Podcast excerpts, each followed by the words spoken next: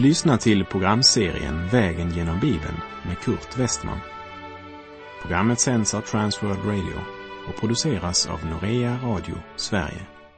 Vi befinner oss nu i Sakarja bok. Slå gärna upp din bibel och följ med. Vi befinner oss fortfarande i profeten Sakarja bok. Vi har hunnit till det sista kapitlet, nämligen kapitel 14. Och från vers 12 talar profeten om den plåga med vilken Herren ska slå alla de folk som drar ut mot Jerusalem. Sakarja 14, vers 12 och 13. Detta är den plåga med vilken Herren ska slå alla de folk som drar ut mot Jerusalem. Han ska låta deras kött ruttna medan de ännu står på sina fötter. Deras ögon skall ruttna i deras hålor och deras tunga skall ruttna i deras mun. Det ska ske på den dagen att Herren ska sända stor förvirring bland dem. De ska bära hand på varandra och den enes hand ska kastas mot den andres. Den som inte vill lyssna till Gud och i övermod drar ut mot Jerusalem kommer inte undan konsekvensen när man konfronteras med Guds suveräna ingripande. Då sker det som de trodde aldrig kunde ske. Och det sker på ett sätt som är långt mer fruktansvärt än vad någon kunnat föreställa sig. Ve de nationer som går med för att strida mot Jerusalem. Tänk när den här profetian uppfylls. Tänk på de skaror av soldater som ska uppleva att deras kött ruttnar medan de ännu står på sina fötter. Och förvirringen blir total, ungefär som det en gång blev i midjaniternas läger.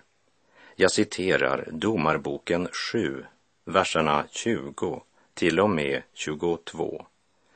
De tre grupperna stötte i basunerna och slog sönder krukorna.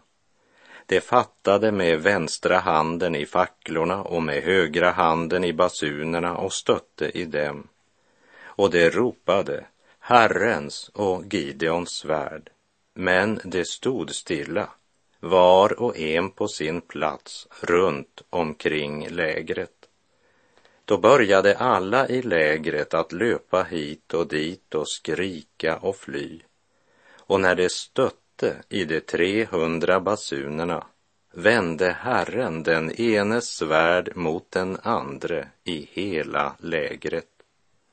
Midjaniterna, amalekiterna, som var nomadstammar från öknen, de hade gång på gång härjat Israels land genom att röva hela skörden och alla deras boskapsdjur. Och det lilla Israel, det skulle bli ett lätt byte för de förenade fienderna. Men fienden glömde att räkna med Gud och fick sitt livs största överraskning.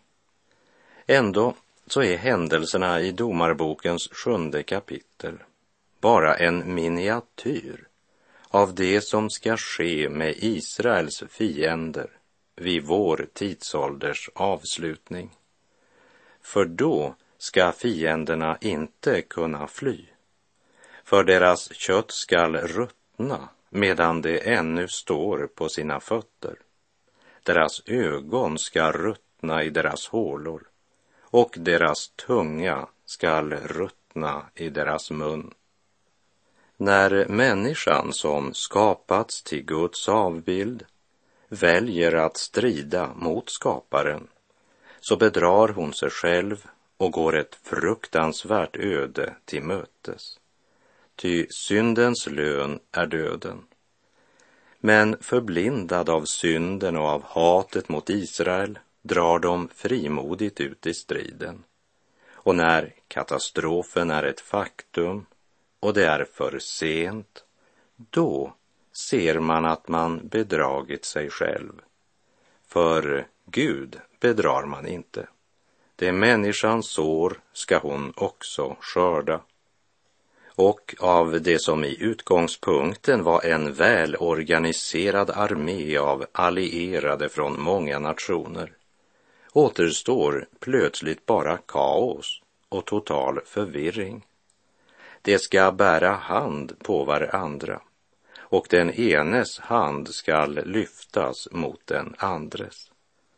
Vi läser Sakarja 14, vers 14 och 15.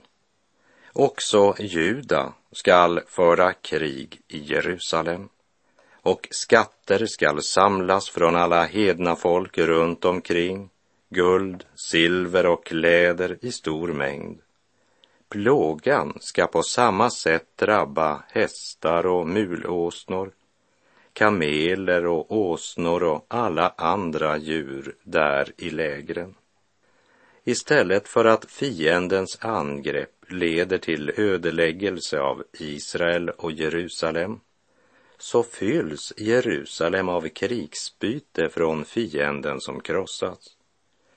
Och Herren Jesus Kristus krossar all orättfärdighet och ondska och det blir uppenbart för det hedna folk som överlever att Herren tronar i Jerusalem.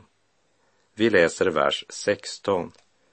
Det ska ske att var och en som är kvar av alla de hedna folk som kom emot Jerusalem ska dra dit upp år efter år för att tillbe kungen, Herren Sebaot och för att fira lövhyddohögtiden.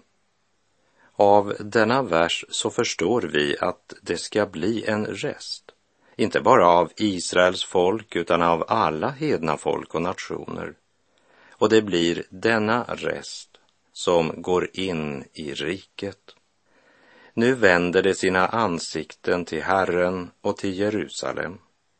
Det blir en total omvältning av hela världsordningen då både judar och hedningar tillber Herren i Jerusalem. En förändring som är synbar i det yttre när skarorna rent fysiskt söker sig till Jerusalem. Men förändringen är också en inre förvandling, en andlig förändring, en social förändring. Ja, förändringen omfattar alla livsområden. Även vittnesbördet om Gud genomgår en total förändring. Den marsorder Jesus gav sina lärjungar, det var ju att de skulle börja i Jerusalem och gå ut i hela världen. Men nu kommer tillbedjare från hela världen att gå upp till Jerusalem. Alla de hedna folk som kom emot Jerusalem ska dra dit upp år efter år för att tillbe konungen, Herren Sebaot och för att fira lövhyddohögtiden. Lövhyddohögtiden den firades efter att man utvandrat från Egypten till minne om uttåget från Egypten och träldomen. Men på den dagen ska det firas därför att de förts tillbaka från alla länder och folk, ja, från världens ände och till Jerusalem.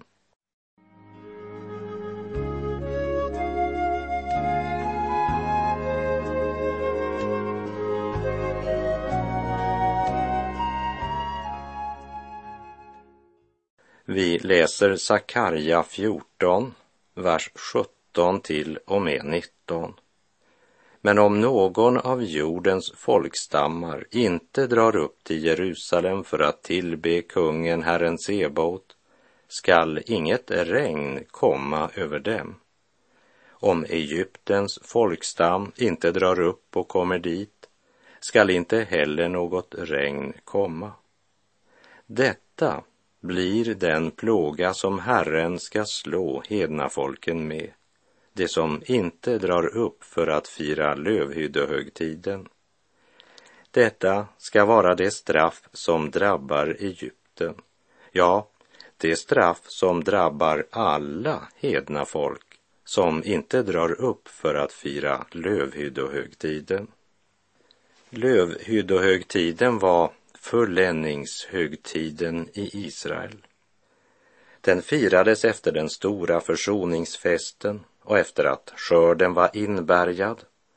Och här representerar lövhyddohögtiden Kristi förlossning och försoning av syndare som tagit emot honom i tro.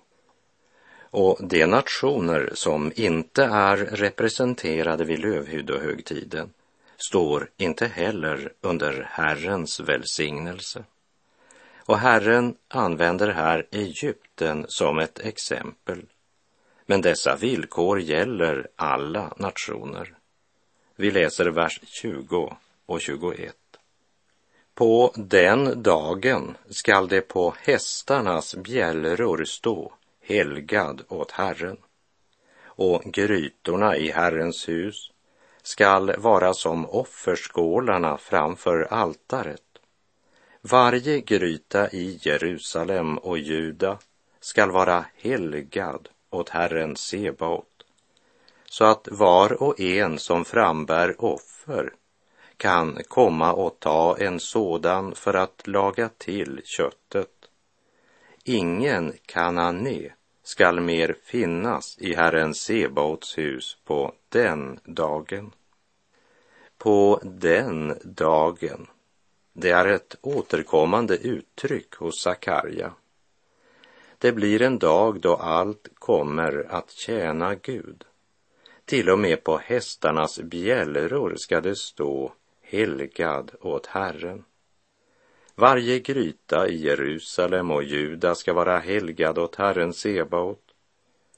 Här går mina tankar till Paulus ord i Kolosserbrevet 3, vers 16 och 17. Låt Kristi ord rikligt bo hos er med all sin vishet.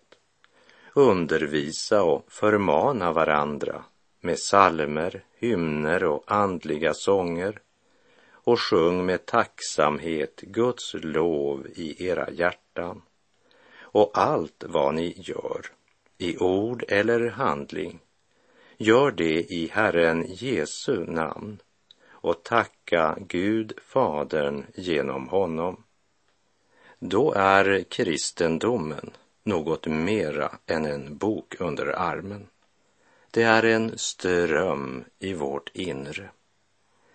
Jag vet att det finns de som säger att det inte är så viktigt med läran. För kristendom är inte lära, men liv. Men sanningen är att kristendom är lära och liv. Höra och göra. Och allt vad ni gör, i ord eller handling, gör det i Herren Jesu namn och tacka Gud, Fadern, genom honom. Kanske någon förundras över att det på den dagen ska bäras fram offer i templet. Men även Hesekiel säger att det skall bäras fram offer inför Herren den dagen. Liksom offren i det gamla testamentet pekade framåt mot honom som skulle komma, så ska offren på den dagen peka tillbaka och påminna om Kristi offerdöd för våra synder. Liksom kananéerna står som en bild på all ogudaktighet och all avgudsdyrkan som bedrevs i kanan innan Guds folk intog landet. Men nu går inte gränsen mellan jude eller grek, slav eller fri. Här är det inte längre fråga om grek eller jude, omskuren eller oomskuren, barbar eller skyt, slav eller fri, utan Kristus är allt och i alla, skriver Paulus i Kolosserbrevet 3.11. Ingen kanané skall mer finnas i Herren Sebaots hus på den dagen, proklamerar profeten Sakarja. Det vill säga, inga avgudstyrkare, inga ogudaktiga, inga hycklare ska finnas i Herrens hus på den dagen. På Sakarja tid, liksom idag, så är det inte alla som går i våra församlingar som är födda på nytt och lever i Kristus. Men på den dagen, då är det bara det som tillhör Herren som ska vara i Herrens hus. En märklig tid som ska vara i tusen år. Och Uppenbarelseboken uttrycker det så här i Uppenbarelsebokens tjugonde kapitel, vers 2 och 3. Och han grep draken, den gamle ormen, det är djävulen och Satan, och band honom för tusen år. Sedan kastade ängeln honom i avgrunden, stängde till den och förseglade den över honom för att han inte längre skulle bedra folken förrän de tusen åren hade nått sitt slut. Därefter skall han släppas lös för en kort tid.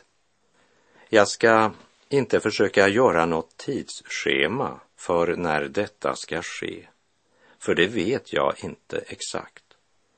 Men Jesus säger att vi ska förstå när det närmar sig så att det inte kommer som någon överraskning för oss som är Jesu lärjungar. Om tider och stunder, bröder, behöver vi inte skriva till er. Ni vet själva mycket väl att Herrens dag kommer som en tjuv om natten.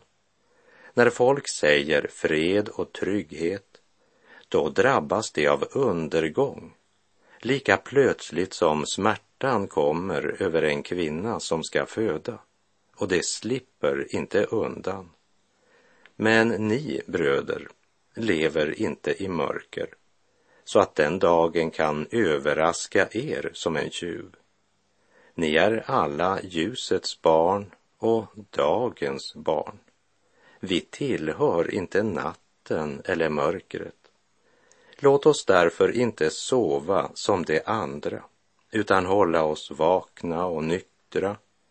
Ty de som sover, de sover om natten, och de som berusar sig är berusade om natten. Men vi som hör dagen till, låt oss vara nyktra, iförda tron och kärleken som pansar och hoppet om frälsning som hjälm. Ty Gud har inte bestämt oss till att drabbas av vredesdomen, utan till att vinna frälsning genom vår Herre Jesus Kristus, skriver Paulus i Första Thessalonikerbrevets femte kapitel.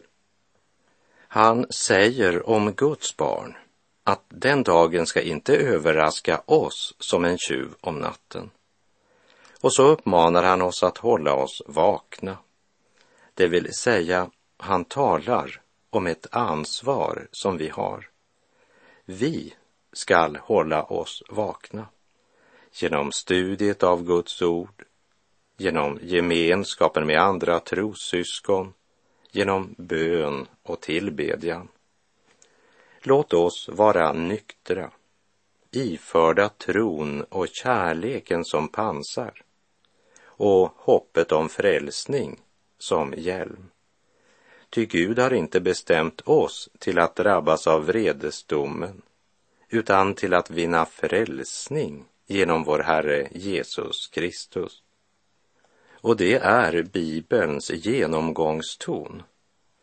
Inte sände Gud sin son till världen för att döma världen, utan för att världen skulle bli frälst genom honom.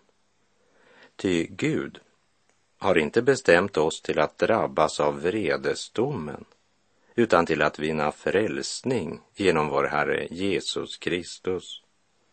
För korset vi får en krona till lön, för ringhet konungslig glans, för törnbeströdd stig en boning så skön, för svärdet en segerkrans.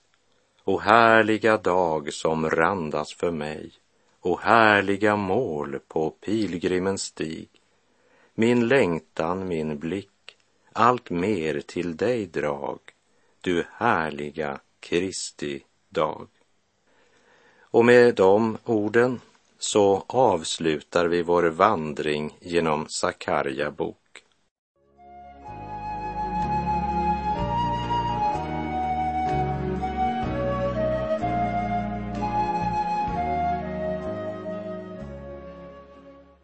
I de sista 30 programmen så har vi vandrat genom Haggai och Sakarja profetböcker.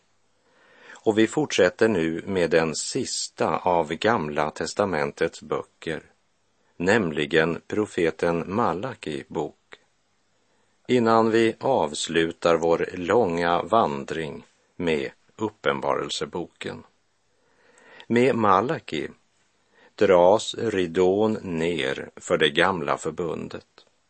Han är den siste i en lång rad av profeter som pekade fram mot den kommande Messias.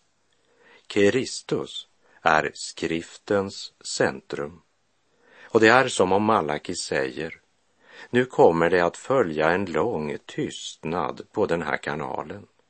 Och efter cirka 400 års tystnad så blir den första röst du kommer att höra Johannes döparen. Malaki är en ytterst intressant profet, även om vi vet ganska lite om honom personligen. Men jag tror inte det är fel att säga att han hade sinne för humor mitt i livets och evighetens allvar. Liksom ingen Herrens härold kan vara utan varken humor eller utan evighetens allvar. Eftersom Malaki inte är ett egennamn utan det hebreiska uttrycket för min ängel eller min budbärare så är det sannolikt att den som samlat materialet i denna profetbok har tagit namnet från Malaki 3.1 där det står Se, jag ska sända min budbärare och han ska bereda vägen för mig. Och den Herre ni söker ska plötsligt komma till sitt tempel, förbundets ängel som ni längtar efter. Se, jag ska sända min budbärare och han ska plötsligt bereda vägen. Eller, se, jag ska sända min Malaki och han ska bereda vägen. Så profetens namn är dolt för oss. Men eftersom budskapets centrum är Herrens budbärare, förbundets ängel, så har det fått ge namn åt denna profetskrift. Vi kommer också att upptäcka att Malaki på ett mycket bestämt sätt var en budbärare, Guds budbärare. Men även om vår information om den här budbäraren är ytterst sparsam så vet vi att han bar fram ett profetiskt budskap från Gud. På samma sätt som vi inte vet så mycket om brevbäraren som placerar brevet i vår brevlåda så är det inte brevbäraren som är det viktiga utan brevets avsändare och brevets innehåll. Malaki är Herrens budbärare. Gud är avsändaren och du och jag står som mottagare av detta brev. Ty allt som tidigare har skrivits, det är skrivet till vår undervisning för att vi genom den uthållighet och tröst som skrifterna ger skall bevara vårt hopp skriver Paulus i Romarbrevet 15, vers 4. Och det gäller även budskapet i Malaki bok. När vi ska försöka datera denna bok så blir det ungefärligt. Vi vet att templet är återupprest och i kapitel 1, vers 8 så står det att Jerusalem har en persisk ståthållare jag citerar Malaki 1, vers 8. Om ni bär fram ett blint djur som offer, är inte det något ont? Om ni bär fram det som är lamt och sjukt, är inte det något ont? Kom med sådant till din ståthållare. Tror du han blir glad och tar nådigt emot dig, säger Herren Sebaot. Det är uppenbart att de hade respekt för ståthållaren. Men Gud visade man varken respekt, vördnad eller ära. Återuppresningen av templet blev fullfört år 516 f.Kr. Under vår vandring genom Malaki bok får vi också veta att en del av judarna hade gift sig med hedniska kvinnor. Och från vår vandring genom Nehemja kapitel 13 minns vi att det blev läst ur Mose bok för folket. Och där fann man skrivet att ingen ammonit eller moabit någonsin skulle få komma in i Guds församling. Och i Nehemja 13.3 läste vi när de hade hört lagen avskilde de alla främlingar från Israel. Och i Nehemja 13, verserna 23 till 25 kan vi läsa på den tiden såg jag också judiska män som hade tagit till sig astoditiska, ammonitiska och moabitiska kvinnor. Hälften av deras barn talade astoditiska eller något annat av de andra folkens språk och kunde inte tala judiska. Då förebrådde jag dem detta och förbannade dem, och några slog jag och drog i håret.